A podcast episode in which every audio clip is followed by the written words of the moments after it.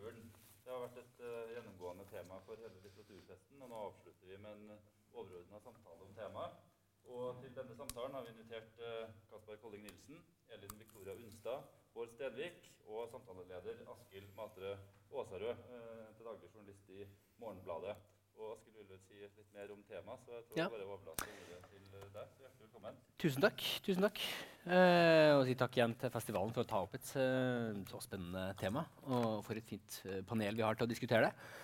Eh, for, for uh, samfunnet vårt går virkelig til, til grunne. Uh, the end is nigh, som de sier. Uh, totalitære krefter, blinde populistiske massebevegelser, menneskefiendtlige mekanismer skviser liksom livet ut av oss, og, og individet sitter igjen som, som, en sånn ubehjelpelig fange i en sånn mørk, sort maskin. Muligens i virkeligheten, uh, men i alle fall i litteraturen uh, er det tilfellet. Vi får diskutere uh, hvorvidt de to, hvor tett de to henger sammen etter hvert, kanskje. Um, for i populærkulturen generelt, og, og kanskje litteraturen spesielt, så har verden gått til grunne igjen og igjen og igjen, og grusomme samfunn har, har oppstått i ruinene.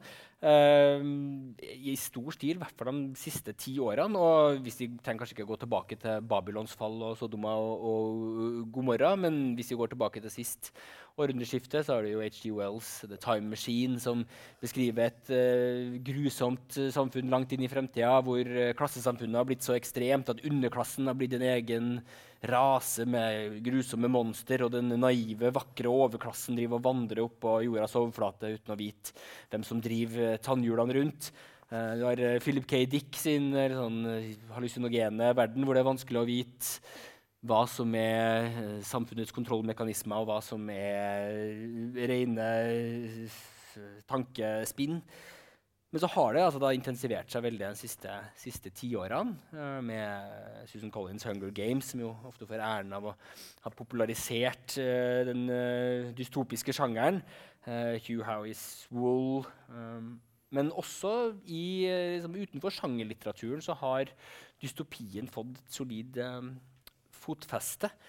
Um, så, så, er det noen, noen likheter sånn i bunnen mellom det store havet av forskjellige dype typer dystopier. Og hvorfor er det så mange av de her fortellingene som, som ikke bare advarer oss mot grusomme, potensielle framtidige samfunn, men som også får oss til å lengte litt etter det? Lengte til kollapsen. Uh, personlig så skylder jeg på musikken til Evangelis for det, men uh, heldigvis så er det andre enn meg som kan, kan svare på det, og det er panelet som vi har foran oss uh, her i dag. Vi har altså Elin Victoria Unstad, en av Norges nye spennende ungdomsbokforfattere, som har skrevet 'Vega'. Om livet i et diktatorisk, bitte lite samfunn, en slags sånn enklave, nyhåp, hvor firmaet og myndighetene er de to enhetene som har ansvar og makt over de sår, sårbare solcellepanelene, som er det eneste som holder samfunnet trygt i en generasjon etter den uh, sju år lange energikrigen som ødela absolutt alt.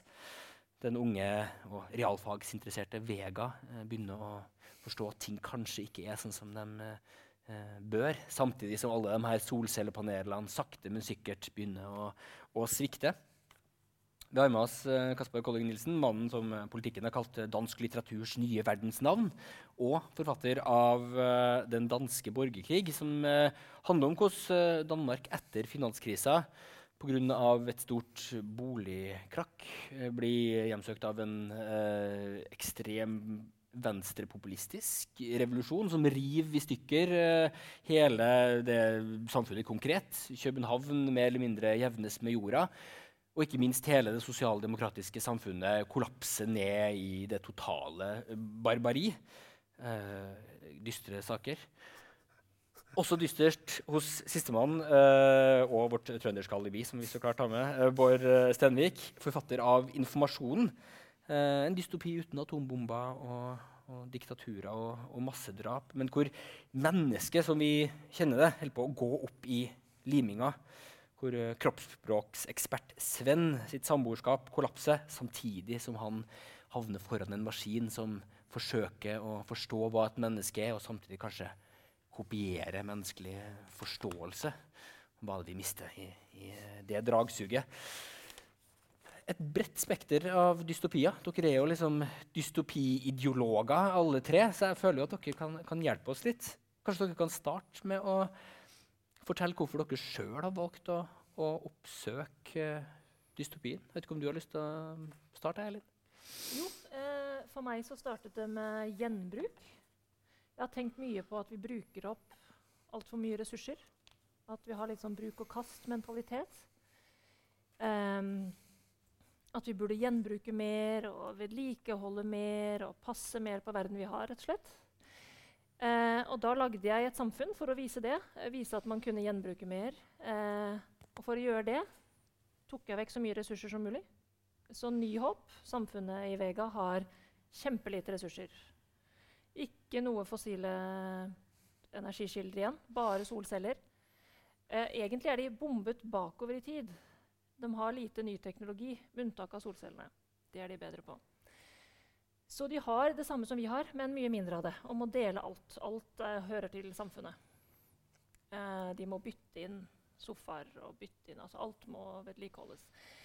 Og så utviklet det seg mens jeg skrev mye mer politisk med dette firmaet Mm. som du nevnte, og myndighetene. Og for når man har så lite ressurser, hvem skal bestemme over dem? Og hvem skal bestemme hvem som skal bestemme over det igjen? Demokrati versus diktatur, rett og slett. Mm. Fungerer det med et demokrati når vi har så lite ressurser? Og hva er alternativet? Så det er en sånn drivkraft for å skape konflikt. Er derfor du har søkt til det ekstreme samfunnet, for å ha tilstrekkelig liksom, konflikt og, og fortelle en sånn egentlig politisk Ja, Historie, Ta da. vekk så mye som mulig. Ja. Ja. ja. Du Kasper, altså, du har jo en, en, Det er ikke et lite, enkelt, oversiktlig samfunn. Det er jo en kaotisk og dyster nær framtid du beskriver. Hvorfor søkte du til å ødelegge hele Danmark? Altså, øhm, jeg, jeg, har, jeg har faktisk øh, for noen år siden, der var jeg til en dystopikonferanse i Wien. Det er en greie. Ja, Ja. i en hel uge. Og øhm, Hvem er det som er på dystopikonferanser? Hva? Hvem er det som er på dystopikonferanser? Øh, der, var, øh, altså, der var en masse forfattere fra hele verden, og, øh, og så, så var der publikum, og der var så en, der sad, han havde, han havde sådan en læderdragt på, og så sådan et hundehalsbånd på. Han hørte, han hørte det hele, og det var meget deprimerende, øh, kan man sige. Øh, sådan, øh, alt, alt, hvad der kunne gå galt på mange forskellige måder, gik Mm. ligesom galt i, i de der bøger. Men, øh, men hvorfor skriver man den slags? Altså, øh, altså, øh, egentlig ved man det vel ikke rigtigt nødvendigvis, men, men, men, men der er i hvert fald kommet en opblomstring af dystopi. Der er flere, der skriver dystopier i dag, og der er også flere, der skriver science fiction. Science fiction har ændret øh, øh, status som genre litteratur. Og, øh, og jeg tror måske, det hænger sammen med, at altså, de her genrer, de er jo altid enormt flydende, og hvad er overhovedet science fiction genre? Mm. Science fiction genre er måske i virkeligheden interiør, altså ting i en historie. Altså der, der skal være nogle ting i en science fiction roman, der er øh, typisk en, en rumraket eller en tidsrejseportal eller et eller andet. Men en, en, en ting, der i hvert fald altid gør sig gældende i science fiction bøger, det er, at problematikkerne er ret store. Mm. Det er typisk nogen, der er i gang med at smadre en hel galakse eller sådan noget. Det, det handler næsten aldrig om, at et parforhold, der har et dårligt sexliv for eksempel, øh, det er altid en, en, en, en fremmed magt, der vil smadre en hel Ja. ja. galakse eller sådan noget. Ikke? Og, øh, og jeg tror, vi lever i en tid, hvor, hvor de politiske problemer, de er blevet meget store. Altså, der er klimaspørgsmålet, som er et kæmpestort globalt problem. Men i hele taget, alle, alle problemer er blevet globale. Vores økonomiske system er et kæmpestort globalt system, som ingen har kontrol over, og som har utrolig mange negative konsekvenser. Hele teknologiudviklingen er et kæmpestort globalt system, som ingen har Øh, ingen aner, hvad implikationerne er af, af denne her. Der er ikke nogen plan, det er ikke forbundet med en politisk ideologi eller en, øh, nogle værdimæssige holdninger mm. til mennesker og samfund. Det er bare noget, der bliver introduceret. Og øh, på den måde så er det politiske blevet meget øh, stort og, øh, og, og svært at forstå, og, og tingene ændrer sig enormt hurtigt. Så jeg tror, der er et behov for, at, øh, at for at forstå sin nutid, så prøver man at forstå sin nutid ved at lave fremtidsscenarier, Mm. hvor man måske i højere grad for 20 år siden eller for 10 år siden bare skrev måske historiske romaner for at forstå sin nutid, for at forstå dybden i den historiske dybde i, i nutiden. øhm, Så dybden i relationerne, dybden Ja. i sproget, så tror jeg, man der er et behov for at lave fremtidsscenarier for, for, å forstå, hva fanden det er, der foregår lige nu i Ja. vårt samfunn. Ja, fordi det er ikke noe, som du sier, det er ikke noe ideologi som eh, eh, tydelig ideologi annet enn ren kapitalisme da, som ligger bak iPhonen. som du løftet opp. du, der er ikke nogen autoriteter, du kan henvende deg til for et svar. Det er ikke noen der kan utlegge teksten Mm. autoritativt. Det, det er bare en masse ting, der sker. Altså de viktigste ting i hvert fall. Ja. Altså det, det er meget kapitalforvaltning og teknologiudvikling, der er de progressive kræfter i dag, og, og der er ikke noen plan forbundet med det. Der er ikke noen politisk ideologi bak. Det er morsomt at du sier at science fiction eh, ikke handler om eh, eh, ekteskapsproblemer og, og den type ting, for det er jo akkurat det din bok handler om. Bård. det er jo et forsøk på å lage science fiction om veldig detalj i små mellommenneskelige relasjoner. Men er det egentlig riktig å kalle det du har skrevet en dystopi? For det første så er den jo så lik til vår verden, og for det andre så er det jo ikke massedrap og Nei. atombomber. Nei, altså målet mitt var jo på en måte å skrive en bok der alt er bra. Og eh, med en veldig fin, ho hyggelig hovedperson. Miserabelt. det, det, er det som, er, som var interessant, er at jeg har skrevet en person som heter Sven Borg, som er fullstendig fordypa i sånn sjølhjelpsideologi. Altså Han ønsker å bli et bedre menneske. Han ønsker å trene seg sjøl til å være den personen som øyeblikkelig springer bort på gata hvis noen kollapser og får hjerteinfarkt. Så skal han være den første som er der og hjelper. Han bidrar til uhjelp til, for å hjelpe folk i fattige land, akkurat på den måten hvor han har funnet ut at det hjelper mest på et rasjonelt vis. Og han ønsker å hjelpe kona si når hun blir deprimert, på den aller beste måten. Mm. Han stiller opp. Han er sånn, generelt en bra fyr eh, som ønsker å hjelpe andre.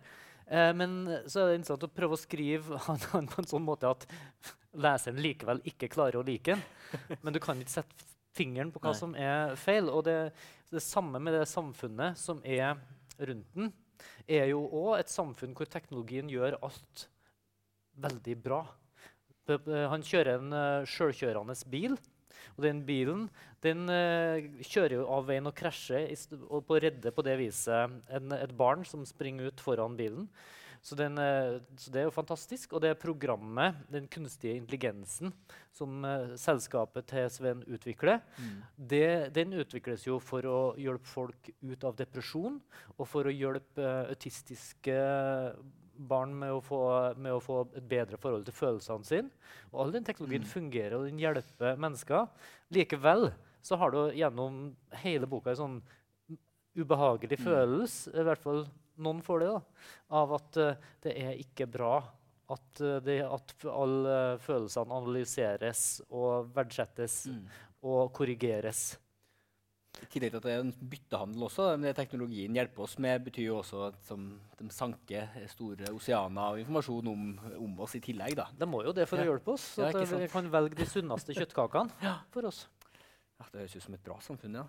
Det er jo interessant, Du nevner også et firma. da, og det er jo Noe som ligger under alle deres bøker, er jo, er jo eh, delvis i hvert fall, eh, kapitalistiske dystopier, men i, på veldig forskjellig måte. fordi det, det er ikke den gamle eh, 1984-dystopien, så er det jo staten. Mens du, Elin, har staten og firmaet. Kan, kan du forklare begrunnelsen for at du valgte å, å ha med det? Hvorfor, har hvorfor er, den framtidsideen plutselig også har med, har med det her eh, skumle firmaet, og ikke bare den skumle staten, som vi tidligere har, eh, har vært redd for? Altså, I boka så argumenterer jeg for det på den måten at det er en slags um, todelt. da, At de skal kontrollere hverandre. At det ikke skal virke som et diktatur Mm. utad. Siden det er jo ikke så langt inn i fremtiden. Det finnes jo folk som levde før energikrigen, bare at de er gamle. Mm. Eh, det finnes derimot ikke så mange gamle mennesker, for at de er døde. Men um, firmaet er de som produserer, og myndighetene er de som bestemmer hvem som skal få det som produseres. Mm. Så de skal på en måte kontrollere hverandre via de mekanismene. Mm. Eh, det er absolutt spennende eh, å tenke på sånne systemer. Altså hvordan skal man strukturere samfunn framtiden? Mm. Hvordan kan man gjøre det? Ja. Det er også ganske skummelt. Ikke Ja. sant? Ja, og der, særlig der, eh, ideen om det her eh, allmektige firmaet er jo noe som man har sett dukke opp mer og mer egentlig de siste kanskje 30 årene i, i, i fantastisk, eh, fantastisk litteratur, hvor det da har dytta bort litt plassen til den, bare den onde staten. i hvert fall da. Så det er en, en interessant eh, utvikling som jeg har fått tenkt på når jeg har lest boka. Ja, hvordan er det på en måte firmaet Er de bedre enn staten? Ja. På en måte? Mm. Når det blir et stort firma à la Bård sin bok, som kontrollerer liksom all informasjon, Ja. er det da bedre enn staten? Mm. Det er jo antageligvis ikke det. Nei.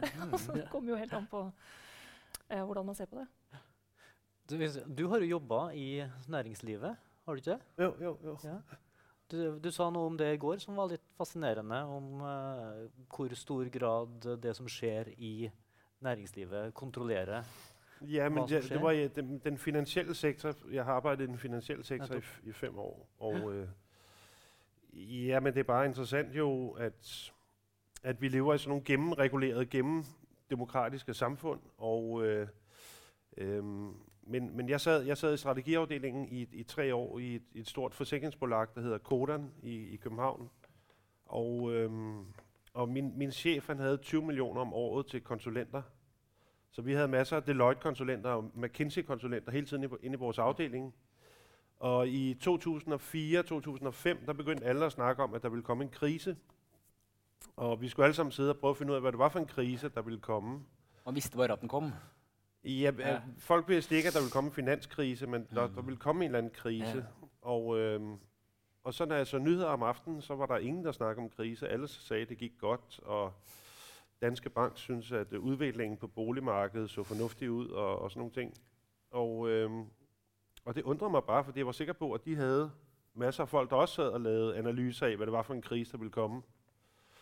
Og, øh, og det var egentlig en af motivationerne for at skrive min bog, var, at, at jeg synes, det var interessant, at vi har så stort et kompleks i vores demokratiske samfund, som er den finansielle sektor, hvor der bliver truffet utrolig store beslutninger, som har meget, meget stor indflydelse på vores samfund og på, på, på vores private økonomier, og, øh, og det er slet ikke noget, vi diskuterer. Vi, vi er så begyndt at diskutere det heldigvis meget Mm. mere efter finanskrisen. Især i, i- lige her for nylig, at vi begyndt at diskutere det meget mere. Øhm, og det, det bør vi virkelig også, fordi at det er, det er et system, som er blevet sygt af at, at, at, at være øh, uden for demokratisk kontrol i, i så mange år. Mm. Fordi at, at der er ikke nogen, det er for komplekst, og det er kedeligt, og, øh, og der, er ikke nogen, der, har, der er ikke nogen, der har kunne forstå det, der er ikke nogen, der har læst om det. Du har ikke kunnet skrive avisartikler om det, fordi det har været for kedeligt Mm. og for tørt stof. Men, men, men det er meget vigtigt stof. Og det er jo det systemet som blir angrepet i boken. For det, du kan jo forklare litt mer om det, men krakket eller den krisen eller borgerkrigen som da skjer i, i den danske borgerkrig, eh, er jo en etterbølge av finanskrisen, Ja. hvor det danske boligmarkedet fryser helt. Men man får da en, eh, en venstrepopulistisk, eh, voldelig oppgjør. Hva var bakgrunnen for at du valgte å gå den, den veien? Som er et opprør mot det systemet som du egentlig beskriver delvis, i alle fall. Øh, det er fordi, der er en stor forskel i dag mellom folk, der er lokale og dem, der er globale. Altså hvis du laver noe hvor du kan komme ut i en global økonomi, så, øh, så kommer du ut i noen helt andre beløpsstørrelser. Mm. Og øh, verden er enormt stor, og, øh, og det globale marked er enormt stort. Hvis du, laver, hvis du sælger et IT-produkt for eksempel, som du kan sælge i hele verden, så kan du tjene fuldstændig sindssygt mange penge. Mange flere penge, end hvis du åbner en, øh, en café, som er lokalt forankret. Og der er nogen i vores samfund, som er ude i det globale marked, eller laver noget, som har kontakt til det globale marked. Mm. Der, er en, der er en opdeling i dag mellem dem, der er lokale og dem, der er globale. Og det er i virkeligheden to helt forskellige grupper af folk i vores samfund, som har stor, der er meget stor forskel på, hvordan de tjener deres penge og hvordan de kan leve. Og, øhm, og det, det, var, det var noget af det, jeg ville illustrere. Så, så er der en anden ting i det, som er en, en meta-analyse, som er, at, at, øh, at vi er også i en helt utrolig spændende situation i, i Vesten i øjeblikket, fordi at, at de sidste 2.000 år har vi været totalt dominerende i verden. Vi har været den, den førende magt, økonomisk, militært, teknologisk, kulturelt. Og, øh, og den, for første gang i 2.000 år er den magt blevet udfordret i dag. Mm. Inden for de seneste 10 år af, af Kina, især, men i, i det hele taget Asien, som magten i verden har flyttet sig, plus at verden faktisk er opstået omkring Vesten. Altså den, den fandtes ikke på samme måde før verden, som selvstændige regioner og selvstændige lande og selvstændige perspektiver. Og det er, for mig er det, er det noget, vi diskuterer alt for lidt, og, og, og det betyder, at vi skal revurdere, efter min mening, hele vores selvopfattelse som europæer, men også, vi skal også øh, revidere vores plads i verden, altså hvordan vi skal være, kan man sige, hvad Europa skal være, hvilken, hvilken plads Europa skal Ja. have i verden. Kan vi, uten å avsløre for mye, så ender jo Europa opp med å bare være et Etter den grusomme borgerkrigen som jo ikke bare rammer eh, Danmark, så er Europa et slags lite museum til slutt. eh, Jo, men, men, men, men hvis, det, hvis, hvis, vi, hvis man forestiller seg at uh, vores humanisme er en, en funksjon av, av vores privilegier, Mm. hvis man så, det, var, det er jo det, der er tankeeksperimentet. Hva, hva, hva skjer der, hvis, vi, hvis man fjerner vores privilegier? Er vi så stadig humanister, eller, Ja. Eller, eller er, vores, altså er vores humanisme forankret i, i vores tradition, i, i viden, Mm. eller er, er det i virkeligheden bare en effekt af, af privilegier? Du svarer vel eh, det sistnevnte, oppfatter jeg. For det er ganske Mm. mørkt, det som skjer i, i, i din bok. Samtidig eh, så er det også Hovedpersonen sier eh, rett etter at borgerkrigen har startet, at han aldri har vært lykkeligere i et samfunn som er helt i ruiner. Men han har fått eh, kvinnen han elsker. og i ruinene så kan det også oppstå et eller annet. Han, han blir liksom nesten beruset av det ødelagte samfunnet. Og det kan jeg også bli når jeg leser dystopisk litteratur. At man drømmer seg bort til dystopien, til det ødelagte, til det dysfunksjonelle, til det mørke samfunnet. Hva er det som gjør til at vi tiltrekkes til det som, som lesere, tenker dere? Er det fordi at vi har det for godt? Ja. er vi for komfortable og blitt litt sånn vant til det? Så vi har lyst på noe mer deprimerende? Altså, alle liv, Vi har jo alltid likt drama. Ja. Og dystopier er jo absolutt en drama. En, bare en litt fremtidig drama. Mm. Liker vi å lese om sånne type ting bare for å føle oss mer eh, menneske? Mm. Føle mer, rett og slett? Mm. Jeg, jeg, skrev jo, jeg har jo tilfeldigvis skrevet en bok om det. eh, som het, første, min første bok het 'Shit', og den handla om eh, eh, hvordan vi vemmes av og hvordan vi føler avsky for det urene, det slimete, det mørke, det vonde, men at vi samtidig fascineres av det. Og trekkes mot det. Altså, vi ser uh, skrekkfilmer med gørr og blod. Mm. ikke sant? Uh, vi, uh, vi, og vi liker sånne Ja, vi liker det på et vis òg. Mm. Og et, en av de teoriene som uh, finnes, er um, det er Paul Bloom, som er en Yale-psykolog. Han mener at det, vi har en innebygd eh, mekanisme som gjør at vi ønsker å utforske det vonde i en trygg ramme. Eh, og det er eh, den samme eh, sånn grunnmekanismen som er når dyr, eh, dyreunger lekeslåss. Altså Mm. små løver eller uh, ulver de lekeslåss, for de, de prøver seg på fare i en trygg situasjon Mm. hvor de ikke vil dø. Og eh, Paul mener da at når vi lager actionfilmer hvor folk blir drept, og vi setter oss med popkorn og spiser det, og ser på det, så er det den samme mekanismen. Vi ønsker å utsette oss sjøl for det vi er redd for, trygge rammer, sånn at vi kan være på et eller annet vis bedre forberedt om det virkelig skulle skje. Så er det interessant at det er det som har vært kjernen i, i hvert fall liksom den populær, mest populære delen av den dystopiske litteraturen, har vært ungdomslitteraturen. Jeg snakka med en, en litteraturviter på, på NTNU som sier sånn, ja, altså, bare for ti år siden så, så så du at ungdomslitteraturen, og for så vidt litteraturen generelt, handla om relasjoner mellom mennesker. At de var liksom på det nivået der. da. Mens plutselig så er det der man nesten eh, dyrker det, den der utrolig mørke fremstillinga av et, et samfunn. Hvorfor har, det utspring i sitt unge? Man, i, det, I det unge man skulle tro at det nesten hadde utspring liksom et annet, et annet sted. Jeg vet hva du tenker, Elin, som, som skriver for unge sjøl? Eh, nei, altså det kan jo være at ungdom har lyst til å føle enda mer. da. Mm. De er jo på en måte enda mer i følelsene sine. Hvis, du, hvis à det Bård sier, at de vil enda mer à la unge løver som lekeslåss. de, de slutter litt med det når de blir voksne, kanskje. I hvert fall løver. Eller de gjør kanskje ikke det. jeg vet ikke. Men det kan ha litt med det å gjøre. Og så kan det jo også være en bølge Mm. à la etter Hunger Games at det nesten har blitt eh, default Ja. å skrive dystopiske verdener. Det skjemaet du følger. Ja, at mange på en Mm. måte skriver det som at det bare er vanlig, uten at det kommer fra en, et eget budskap om å gjøre det. Ehm, men jeg tror rett og slett at for det første håper jeg jo ungdom er veldig opptatt av verden og samfunnet, og at det ikke skal bli à la sånn som det skjer i, Mm. i Vega, eller har skjedd. da. Jeg håper ikke de vil at verden skal gå under. Nei, men så er det jo interessant at, eh, at, at eh, vi snakker om at eh, hvor er det store opprøret blant uh, ungdom? Hvor er liksom demonstrasjonene i, i gatene mot systemene? Mm. For å snakke om at de er individualistiske, og så har du all denne litteraturen som handler om samfunnsstruktur. Som handler om, riktignok veldig karikert, men om ideologi på en eller annen underlig måte. da. Ja, Så det er en sånn rar absolutt- disconnect der som jeg ikke helt forstår. Kanskje samfunnet har blitt sånn at vi er mer individualistiske, men da trenger de andre utløp? Ja, kanskje det. Kanskje. Eller forhåpentligvis. Men jeg oppfatter i hvert fall at ungdom, ut fra en del anmeldelser og sånt på Uprisen, det er et sted for ungdomsbøker, som jeg har lest, så oppfatter jeg at jeg er mye mer interessert i dystopien pga. det grunnen til at jeg skrev det. Pga. det med lite ressurser. At de Mm. er veldig interessert i det. Uh, så jeg, jeg tror faktisk det er håp. Det er håp. I dystopien, ja. Ja. Kasper, eh, jeg lurer jo litt på om eh, Hvis jeg skal tolke i hvert fall jeg-personen i fortellinga, og muligens deg også, at det virker som dystopien nesten er liksom, det der mennesket egentlig er. At eh, Det er jo et ganske dystert menneskesyn du har i, i boka di. At mennesket som vi egentlig er, kommer til, til syne i dystopien. At det er dystopien som er vårt egentlige væren, og så har vi bygd et eh, skalkeskjul, kanskje ikke skalkeskjul, en slags sånn kokong i samfunnet her.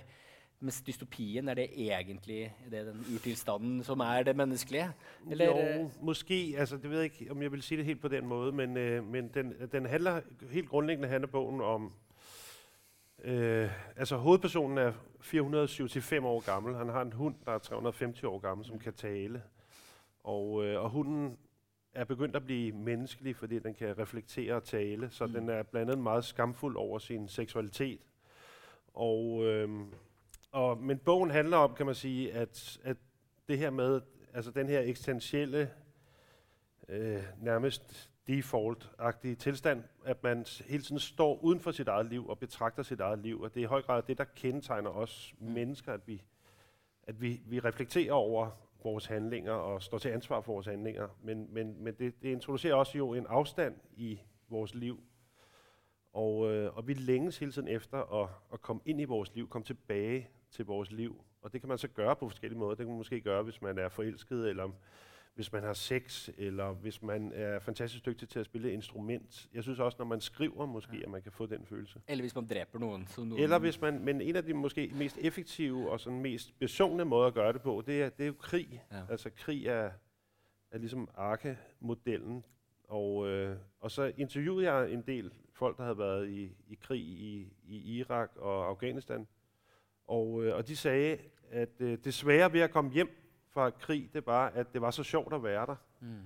Og øh, at man føler på en måde, at, når man er i en krigssituation, at ens liv starter for første gang. At alting lige pludselig bliver ægte. Altså venskaber bliver ægte. Mod bliver ægte. Forræderi bliver ægte.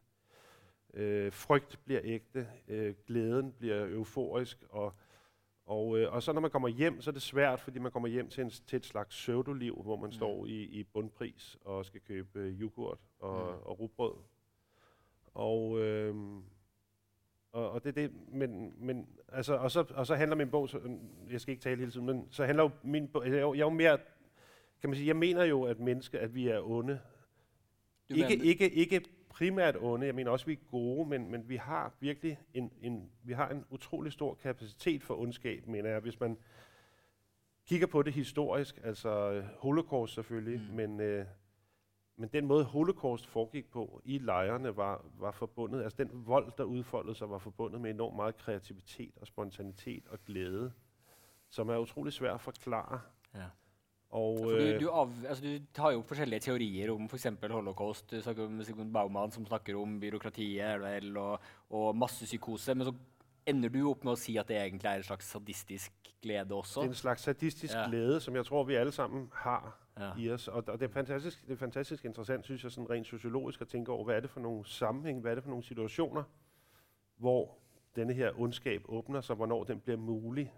Mm. Øhm, det over, jeg overvejede faktisk at skrive en PhD om det bagefter, Mm. men, men droppede det så igen, fordi jeg tænkte, det ville være for deprimerende. Men Høres ut som et rigtigt valg. Men jeg synes, det er interessant. Altså, bare lige sidste ting. Da, da, da, da nazisterne skulle dømmes i, i Nürnberg, der var den øverste befalende, det var, det var øh, Göring, Hermann Göring. Og man optog deres samtaler, og de troede, at de skulle betale en krigsskadeerstatning, og så ville han blive indsat som rigskansler i Tyskland. Det var først, da de nåede til forbrydelser mod menneskeheden, at, og det blev vist nogle film fra Auschwitz. Det var først der, at de, den aften forstod de, at de ville blive dømt til døden at de aldrig ville komme hjem. Mm. Så en, en genstand, KZ-lejrene i en sammenhæng, har en betydning, og så når du flytter over den i, i en anden sammenhæng, så har den en helt anden betydning. Mm. Og du kan ikke forstå Nej. den forskel, selv hvis det galt dit eget liv. Fordi vi altid er fastlåst i noen bestemte sammenhenger. Og hele Danmark flyttes jo da over i en ny sammenheng, hvor det er en helt annen samfunnslogikk som, som fungerer. Som er ja, det første man tenker på når man leser, er jo liksom Syria eller noe sånt. Men er dette noe du altså Det er åpenbart en karikatur, det er science fiction, men tror du dette er noe som kan skje?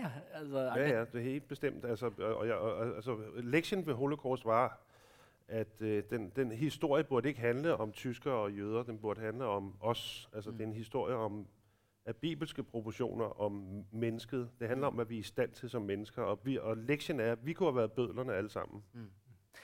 Heldigvis så har vi øh, Bård, øh, det falske smilet, som jo redder oss fra alt det her som du Ja. øh, jo skriver om. Det er, Sivilisasjon er bygd på falske smil. ikke sant? Eh, det sier jo Sven i min bok. Han mener at g- evnen, evnen vår til å forstille oss og late eh, som vi er liker hverandre, og være hyggelig og høflig, er liksom en del av eh, men, altså, og, og det synes er interessant med som du sier da, det med hva, hva som er det menneskelige. For jeg tenker på at Dystopien er en måte at vi kan ta sivilisasjon og så plukke den fra hverandre og ta bort alle de delene som vi vanligvis tenker Mm. på som kjennetegner et, men et menneskelig sivilisert samfunn. Så kan vi se hva det er som står igjen. Hva er den siste biten vi, som uh, vi tar bort før vi blir dyr. ikke sant? Ja. Det er jo, og det er jo hvis du ser på som uh, f.eks. Philip K. Dick sin uh, Do Androids Dream of Electric Sheep, som er Blade Runner basert på, så er det jo eh, Empati er jo en veldig sånn, sentral ting der. Mm. Eh, at, fordi at de her, eh, replikantene skal liksom ikke føle empati for Mm. hverandre. Men så viser det seg jo at de gjør det, så det blir eh, problematisert. Og så har du sånn som uh, The Road, hvis du kan kalle den, Mm. av Cormac McCarthy. Der har du jo tatt bort Uh, alt av sånn teknologisk sivilisasjon. Så det, da er det det menneskets eh, evne til å holde seg i live gjennom kreativ tenking er jo veldig mye av det som fascinerer oss gjennom Mm. den boka. Når han finner ei sånn handlevogn, og så klarer han å reparere det ene hjulet, og så finner han altså han, han klarer å, å sette sammen restene av den ødelagte sivilisasjonen akkurat nok til å holde seg i live fra dag til dag, til å holde seg tørr og ikke fryse i hjel. Er da er det der menneskeheten uh, ligger, på en måte? Da. Ja, på en måte. Og så har du ja, og, og jeg tenker, tenker at det er veldig ofte um, så utforsker forskjellige dystopier. Så A Clockwork Orange, for eksempel, der er det jo spørsmålet er det er, er kunsten noe som holder oss menneskelig. Og der er jo kanskje svaret nei, fordi at du har en veldig dårlig, ondskapsfull hovedperson som er veldig glad i Beethoven. Ja. Ja. Ikke sant. Men så sier også Men, men den handler vel også om statens vold. Ja. Den handler, det, Clockwork Orange handler- handler vel også om, om, om altså hopens, folkets vold, Mm. mm. eller den sadistiske vold, og så kontra statens vold. For staten Mm, begår mm, vold mot mod ham, kan man sige, Ja. på, en, på en måde, som er lige så uhyggelig. Mhm, nettopp. Og nå, nå snakker vi jo om å prøve, som man alltid gjør når man prøver å diskutere eh, denne type verker, altså se de politiske linjene og se dem som algorier eller eh, metaforer for vårt eget samfunn. Men jeg tenker noen ganger at liksom, det er også et annet spekter av science fiction generelt, også spesielt dystopier, da, så man kanskje kan ha en sånn linje mellom to ytterpunkter. Det ene er liksom den rene allegorien, se 1984, som er en komplisert, men en politisk beretning om farene ved totalitære regimer og kontroll over språk og, og makt. Og så har du på den helt andre sida sånn verdensbygging, worldbuilding, som er Mm. så utrolig viktig i fantastisk eh, kultur generelt, og som ikke handler om politikk direkte, men som handler om å lage en verden som du har lyst til å fortape deg i. da, Som egentlig handler om virkelighetsflukt, og som, som eh, handler om å lage en verden som har en sånn rikhet at den virker ekte på en eller annen måte. da. Jeg vet ikke hvordan dere forholder dere til det er et fruktbar måte å se, se det på. liksom Allegorien på den ene sida, og så den komplette verden som man har lyst til å flykte inn i på den, på den andre. Nei, altså Jeg har ikke lyst til å bo i Ny Jobb, hvis jeg kan velge. Men hvis du tenker på det mer som allegori versus virkelighetsflukt, da, Ja. så er jo boka, heller jo boka mer mot virkelighetsflukt for leseren. da. Mm. Om enn ikke det er en veldig fantastisk verden. Men det er jo en verden som har sine egen, egne mekanismer. Selv om de er basert på våre, så har den jo sin helt egne sluttet enhet. da, Mm. på en måte. Og det var jo med vilje. Ja. Uh, men den, er jo på en måte mer, den heller jo mer mot spenning og virkelighetsflukt for leseren enn allegori og essayistisk. Da. Mm. eh, Men nyhåp, du må ha tenkt på George Orwell med Nyhåb. Nytt håp? Ja. Jeg har ikke egentlig tenkt på Orwell direkte, men ja, det er det nye håpet. Ja, Ja, ja. og det er jo på en måte litt mer Det er jo veldig kontroll. Mm. Sterk kontroll over alle mennesker. For store systemer for å holde styr på alle. Mm. Så det er jo sterk kontroll, men det skjønner jo ikke Vega, som det handler om, eh, før etter å ha gått en liten stund. F.eks. helsehjelp er jo veldig Mm. sentralt i det. Du slutter å få helsehjelp etter du blir 60 f.eks. Mm. Og så popper det da opp mange eh, undergrunnsklinikker og osv. Så, videre. så det Mm. blir jo motstand da, ut fra det. Mm. Kasper, din bok er jo jeg synes, fascinerende fordi den er en blanding mellom veldig konkrete Ikke virkelighetsflukt, vil jeg jo ikke si, for det er jo ikke en verden du på noen som helst måte vil være i. Det er vanskelig å sjøl nyte å være i den ruinene, sjøl om hovedpersonen delvis gjør det. Men du har noen elementer som er liksom krigen fra gatehjørne til gatehjørne i, i København. Men så har du også eh, noen sånne nesten altså, fableraktige noveller inne i hvert kapittel som er underlige fortellinger som nesten ja, virker som de har en moral, men jeg blir ikke klok på hva den er. Som kan være en fortelling om en prest som har et fint uh, modellskip i kirka si som blir ødelagt under en av liksom, protestene før borgerkrigen, og får en indisk uh, uh, innvandrer til å bygge en ny en, som bygger et fantastisk skip men som er like stort som kirka, inni kirka, som gjør at det er umulig å bruke som kirke. En sånn rar, uh, underlig fortelling. Det er en hel novelle om, fortalt fra en tomats perspektiv. Hva var tanken bak de sånn nesten allegoriske, underlige, korte historiene? Det, det er jo å beskrive, øh, kan man sige, øh, krigens spesifisitet fra et sted. Altså, altså den... Altså, hovedpersonen prøver å forklare nogle ting til den her hund, og prøver for så at forklare det på Mm. forskellige måder, blandt andet gennem historier. Og, og de her rige mennesker, som han er en del af, det her samfund, som er meget rige, gamle mennesker, de fortæller hinanden historier. Og så, øh, og så prøver jeg at fortælle om krigen på en anden måde, altså øh, gennem de der historier. Altså. Og så for eksempel, øh, altså den der historie, der er en historie, der handler om, om flå, en dåse flåede tomater. Og, øh, og det var fordi, at, øh, at en af mine, en, en øh, kvinde, som min far har gået i skole med, hun er, hun er sådan en medie, og så, så fortalte hun, hun kan huske alle sine tidligere liv. Og så spurgte jeg, Nå, men det der er spændende, hvad, hvad, hvad har du været? Så sagde hun, jamen jeg har været en dåse flåede tomater på et tidspunkt. og så sagde jeg, Nå, men hvordan var det? Så sagde hun, ja, men det var klemt. Og, øh, og så synes jeg bare, det var så sjovt, så, øh, altså at fortælle om sådan det der med, og, altså, og, at, du ved, at, at være en tomat og håbe på alt muligt, ikke? Og, De tror på et liv og vok- vokse op i, i Toskana et sted, og, og så ende så i sådan en dåse flå tomater, og der er en af dem, der har dårlig ånde i den der dåse der, og, og de har sådan nogle flugtplaner, de har sådan nogle helt urealistiske flugtplaner. Øh, de prøver blandt andet at lytte efter i, i en transport på et tidspunkt, der kan de høre en hund, der gør, og en kirkeklokke. Mm. Altså Sånn at de kan finne tilbake Altså Fullstendig håpløst. Uh, Flådde, kokte tomater som rømmer tilbake til Toskana. Ja. Eller, øh, og, um, Ja.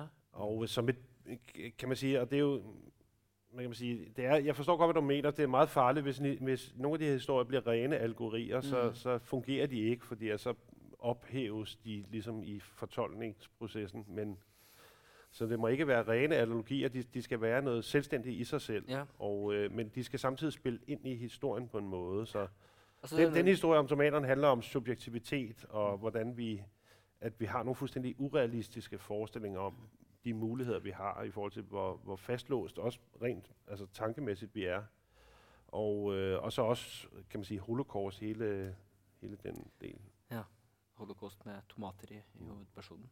Enn du, Bård, altså, hva tenker du på? Så, de- vil du skrive en verden folk skal flykte inn i, eller som de skal liksom, kunne se vår verden klarere igjennom? Altså, um, jeg tror ikke jeg, jeg ser på det som motsetninger, uh, men mer som altså, den herre viljen vi har til å prøve å leve oss inn i en helt annen verden. Mm. Uh, det, er, det er jo en fantastisk eh, egenskap vi har, og det er en fantastisk egenskap hos litteraturen. At vi blir sugd inn i det, at vi føler at det som står på spill i Mad Max eller på en annen planet, Mm. er, som noe som står på spill for oss òg. Så det er jo ve veldig flott, og det er en del av leseprosessen. Men jeg eh, kan liksom ikke gi helt slipp på allegorien. Og jeg vil heller ikke at det skal være en sånn helt ren, veldig enkel all allegori. For da blir det jo kjedelig. Ja. Og, og da kan du liksom bare oppsummere det på en Post-It-lapp. Men, eh, men jeg kan ikke gi slipp jeg, vil- jeg vil at det skal være allegorisk, for jeg vil at, det skal, at folk skal lese den boka og tenke noe om vår verden. Det er sånn, nesten litt sånn der gammelmoralsk sånn. Ja. Og moralen i visa her, men Ja. eh, litt mer Ja, eh, altså, og moralen i visa her Tenk litt på det. ja. Ja, og det er jo derfor jeg òg er mer glad i sånne allegorier som ikke er sånn veldig typisk 1984-aktig, hvor, Mm. hvor, det- hvor det er utrolig tydelig hvem som er ond. Yeah. Eh, men jeg liker sånne som f.eks. Uh, altså Brave New World, ber, hvor alle egentlig er lykkelige Mm. i sine illusjoner. ikke sant? ja, for da har du en, et rusregime som gjør at man kan eh, Ja, finstille sine følelser. Ja, og- ja er folk eh, modifisert eh, i hjernen til å bli så dum at de er fornøyd med det, det livet de har. ikke sant? Ja. Eh, og det, det, hvis du trekker det fram, da, så har du jo flere sånne samtidige bøker som er sånn eh, som Dave Eggers 'The Circle', f.eks. Mm. Den, jo, det foregår jo sånn i et sånn Facebook-aktig firma. Det er jo nesten som i, nesten i nåtida. Kan det virke som Ja. bitte litt inn i framtida. Og, det, dem, er- og dem, dem er også sånn fullstendig oppbyggelige. og sånn, ja, Vi vil bare at alle skal ha det bra og ha fine ting ø, som de kan leke seg med på nettet. Og i tillegg vil vi at alt skal være transparent. Mm. Så vi vil ha kamera overalt. Og vi vil at ø, ø, det, ingen skal være anonym på internett, for da blir det mer åpenhet, og informasjon må flyte fritt. Er ikke ikke så slemme mot hverandre hvis det, Nei, sant, du vet hvem det er. Ja. Ja, ja, sant? Så, det, så det er alt er oppbyggelig, men likevel så, så forstår du at det, det er et eller annet her som ikke kommer til å gå helt bra. Sant? Og, det, og, så det, og det, det er jo en god del av uh, bøkene som, er, som kommer ut nå, som er litt sånn. da. Gary Steingart Ja. eh, sin 'Super Sad Love Story', og Bjørn Vatne som har et sånn Han har jo et, eh, ei, ei bok som kom ut i år, hvor det er en eh, sånn Miljøpartiet De Grønne-aktig parti som tar makta. Og hacker seg inn i mobiltelefonene til alle, som selvfølgelig på det er mobiltelefonen i hjernen. Så at de gjør alle til miljøvernere. Ja. sånn at de løser Problemet er løst. Problemet er løst, ikke sant? For alle blir sånn panpsykister. Ja. Eh, men så er det jo heller ikke det er likevel helt bra, tydeligvis. Nei. Og det er jo for å gå tilbake til det du starta med. sant? Du snakka om HD Wells og de disse Morlockene, Mm. som er de skumle under eh, jorda. Og så har du Eloyan, som er over og lever i en sånn paradisisk tilstand. Og Eloyan, det er jo oss, ikke sant? Så fra, fra vårt perspektiv så er det jo, er det fantastisk eh, at vi får Facebook, og vi får nye apper, og vi får god eh, økologisk mat. Og, ikke sant? Fordi at vi lever inni denne bobla, og vi ser ikke at på utsida, på rangsida av den bobla, så er mårlokkene som kommer til å komme ut om natta og spise oss. Ja. Så det var en Facebook-allegori bare 100 år før sin tid, egentlig. Ja. Nettopp. Han hadde en tidsmaskin. Det. Det er sant. Endelig begynner det å henge sammen. Men det er også interessant eh, hos deg, da, Elin, at den ondskapen er ikke eh, den totale ondskap i, i Nyhåp heller. Sjøl dem som er liksom, den mest diktatoriske, er ikke rett igjennom grusomme, grusomme mennesker.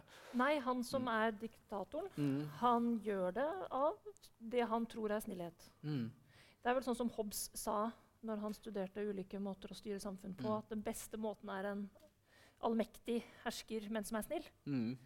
Eh, nå vet jeg ikke om han i boka mi vet om det, men Mm. han tror jo at han gjør det rette. Mm. For f.eks. når han reduserer mye helsehjelp, så gjør han det jo for at de han mener skal få helsehjelp, får helsehjelp. Mm. Han prøver jo å prioritere. Han vet han må prioritere. Han har et grusomt valg han må ta, fordi du Ja. har solcellepanelene blir færre og færre, Færre og og du færre. må gi strøm til noen og ikke til andre, og da gjør han eh, de her eh, valgene. Ja. Ja, han tar valgene for alle, men han slutter jo å høre på mer og mer. Det er vel Mm. det som er problemet med dikta diktatorer, antar jeg. De slutter mer og mer å høre på noen og blir kanskje litt sånn stormannsgal, rett og slett. Ja. Så det har han jo nok tippet over. Men du kan jo se for deg også en oppfølger til din bok, da, hvor uh, uten å avsløre for mye, så går det jo fint til slutt. Uh, kan, ja. og det blir kanskje et mer demokratisk samfunn. Men man kan også se for seg en dystopi med Det er kanskje det vi lever i, vi, da, men et hvor man har demokratier, men hvor samfunnet rives i stykker kanskje akkurat av uh, den folkeviljen som ikke alltid er til å å, å stole på. Det får man jo litt inntrykk Kasper, Kaspar, av i, i din verden, at det er jo det, en, eh, det er jo folkevilje som går opp og er grusom på en eller annen måte. Det, er liksom, det, det virkelig liksom, revolusjonen spiser ikke bare sine, men alles, eh, alles barn. Ja, men, men jeg vil bare litt nysgjerrig på altså, så det er noen verdier der liksom er sterkere I, i din bok? bog. Altså, det, er jo, det viktigste i Nyhåp er vel altså, prioritere at ressursene ikke blir brukt opp. Ja, Og fordele de så rettferdig som mulig. Mm. Men så blir det mer demokratisk til Ja, sist. slutten, så det er ja, verdier, det øh. er noen sånn humanistiske verdier som overlever eller er sterkere enn Altså, det blir jo, de styrter jo diktat, diktatoren, diktatur, ja. diktatoren ja, eh, til slutt. Men de er på siste side. Så det kommer ikke noe mye mer. Men da sitter man jo igjen med spørsmålet vil demokratiet kunne fungere i dette samfunnet som har så lite. Mm. Okay. Ja, så Mm. hovedpersonen mitt sitt problem på slutten, da, men som ikke blir forløst, er jo da hvordan skal de styre samfunnet nå? Går det an å styre et så begrenset samfunn eh, uten en sterk hånd, rett og slett? Ja, ja, Ja. okay, okay. Så Mm. forstår jeg. Og det vet jeg ikke. Det kan da være at alt kommer Ja. til å gå helt Ja. For det har jo skjedd før i Vega. altså Historikken var jo at det var et råd som skulle styre. Og så begynte de jo bare å krangle. Ja. Og så trekker man jo i Den ene ville ha mer penger til det, og den andre ville ha mer penger til det. Og, og så kollapset det, da. Mm. Og det blir vel litt som hos deg, for akkurat det økonomisk kollaps er jo en redsel man absolutt kan ha nå. Ja, ja, bestemt, bestemt. Jeg, jeg kan med at læse en, øh, en biografi om Hitler. Altså meget detaljeret. Øh, øh, Ian Kershaw hedder han, ham der har skrevet den. Sådan en tusind sider lang bog om Hitler. Og en af de ting, som er meget interessant i den bog, det er, at, at nazistpartiet, de er hele tiden nervøse over, om de kan forløse den vrede, der er i befolkningen. Altså, de er bange for, at det bliver et andet højreorienteret parti, der kommer til å forløse den vrede, der er i befolkningen. Så de forser faktisk en masse ting. De er redd for å bli for moderate, at det kan være en plass til høyre for dem. Ja, men det, var meget, det var interessant for meg. for jeg var ikke klar over, jeg trodde i høy grad, at de var agitatorer for, Mm. for volden, men, men faktisk taler de folkestemningen efter munden Ja. meget mer. Så det er den veien det går, ja. ikke? Og da er det jo den er despoten blir folkestemningen. økonomisk, ja. økonomisk øh, kan man sige. Og som du også er hos deg. Men det, det, er et, det er ikke et høyreopprør, men et venstreopprør som skjer, som denne, starter denne, denne borgerkrigen. Hvorfor det, og ikke et høyreopprør, når du, når du skrev? Mm. Jamen, det er fordi, at... Øh, øh, altså det, de systemer, vi har lige nu, de økonomiske systemer og den verdensorden, vi har nu, favoriserer dem, der er rige enormt meget. Og øh, det er ikke... Det, hvor, altså, altså, ja, så kan du sige, der, der kan der godt komme et højorienteret oprør. Det, det er- har du ret i, det, det ved jeg ikke. Altså... Øh,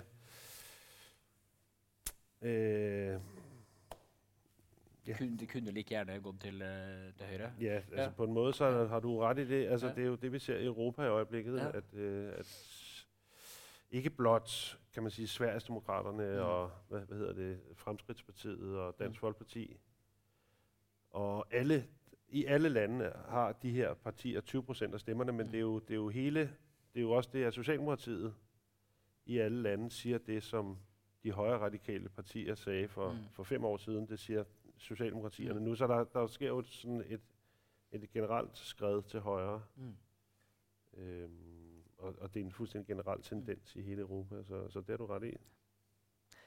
Nu begynner vi egentlig å gå mot mot slutten at jeg kanskje vi kunne åpne for noen spørsmål fra salen hvis det er noen som, som lurer på. Men, men før det eh, Framtida for dystopien, har den en lys eller mørk framtid? Fortsetter dere tre å skrive eh, dystopiske, mørke framtider, eller er det noe dere eh, føler at dere liksom er, eh, er ferdig med? At vi er på vei ut av den dystopiske bølgen?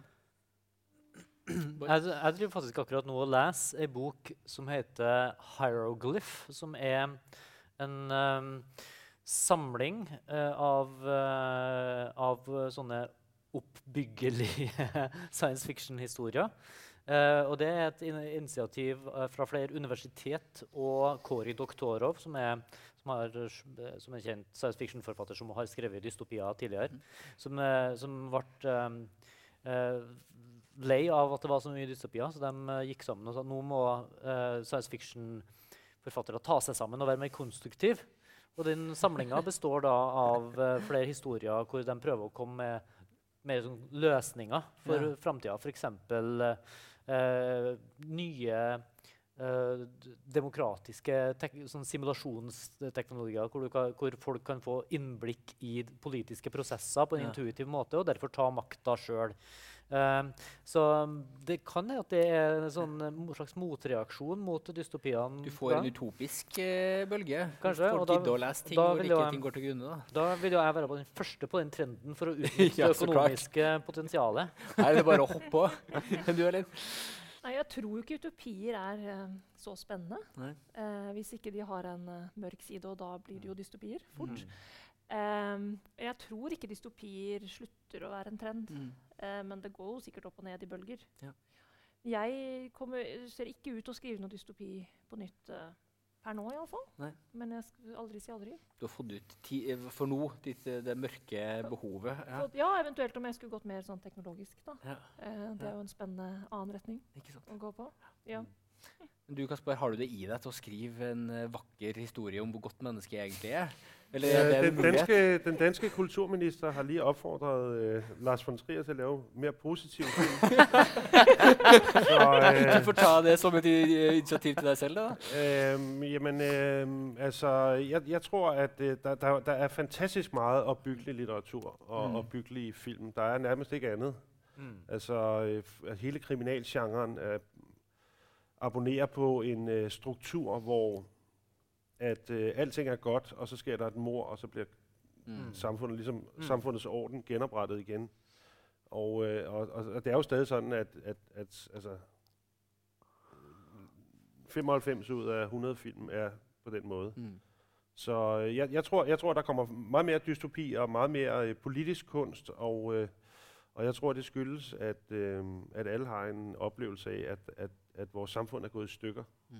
Der er, nogle, der er nogle ting, der er gået, der er nogle helt grundlæggende ting, og det er virkelig nogle idéer, der blev formuleret i oplysningstiden, som har, været stab, et, som har udgjort et stabilt fundament under vores moderne samfund, som er, som er eroderet, som er, er, er ved at, som vakler, og, øh, og derfor ryster alting i øjeblikket, og derfor er en masse ting pludselig mulige, som ikke var mulige for bare fem eller ti år siden. Og, øh, og det bliver man nødt til at skrive om, hvis man er forfatter. Det, jeg synes det, det er interessant og, og uhyggeligt og spændende. Og, men jeg tror ikke, der kommer mindre Nej. kunst og litteratur om den slags. Og det er jo sånn, altså, jeg tenker på det som du sa om virkelighetsflukt. Mm. så er det, Om det er noe som er virkelighetsflukt, så er det jo romantiske komedier. Mm. Og alt mulig annet. Altså, og som du sier, krim. Altså. Ja. Ja, og reklamer. altså, det, altså hele, hele det sprog fylder helt utrolig meget i, i dag. Altså, altså og, og meget mere, end det gjorde i, i 70'erne eller 80'erne. Det er meget mere massivt. Det her øh, opbyggelige billeder, smukke ting. Mm. Altså Mm. det, det, det, det er stadig en undtagelse, at, at øh, dystopier for eksempel.